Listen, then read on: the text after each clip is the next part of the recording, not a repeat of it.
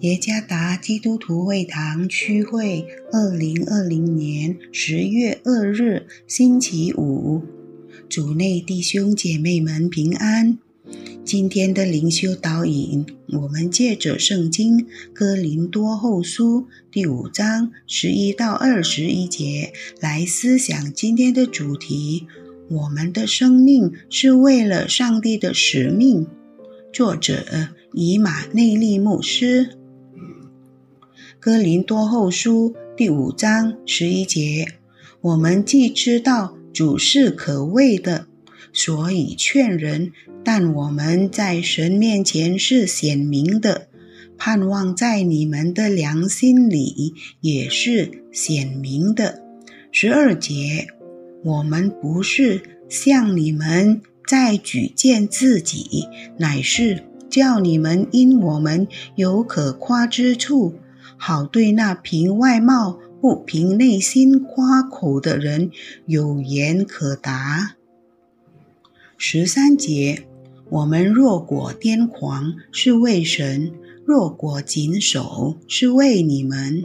十四节，原来基督的爱激励我们，因我们想一人既替众人死，众人就都死了。十五节。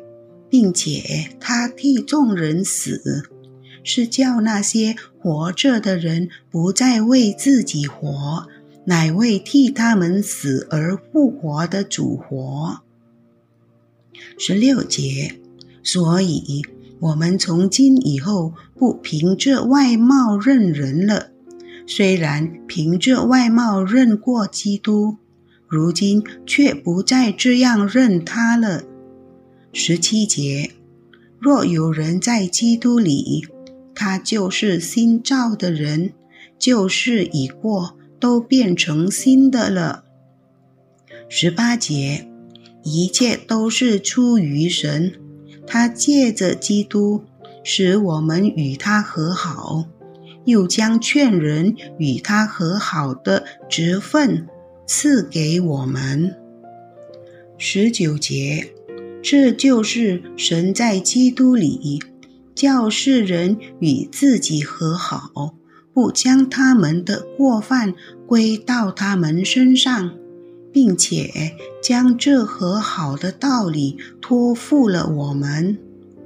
二十节，所以我们做基督的使者，就好像神借我们劝你们一般。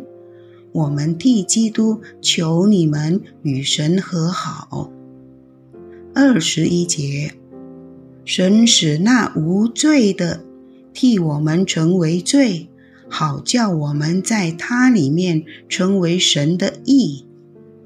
宣教士戴德生，大约一八五零年左右，领受呼召，接触在中国大陆的灵魂。他二十一岁的时候，已经做出一个如何全心全意服侍的榜样。从英国出发的漫长旅程，花了几个月的时间，才能到达中国大陆。在路途中，艰巨的挑战几乎夺走了他的生命，但这并没有使他。怯而退缩。现在我们可以看到他宣教事工的成果。上帝赐福他的事工，戴德生的牺牲没有突然。一个真实基督徒的特征是，生命有了变化且有成果。其中之一。就是服饰的成果。服饰乃是上帝从起初的计划，他创造了人，乃为服饰并荣耀他的名。我们被上帝创造，为了一项使命。使命一词来自拉丁语“被差遣”的意思。我们被差遣。到世上成为上帝的代表。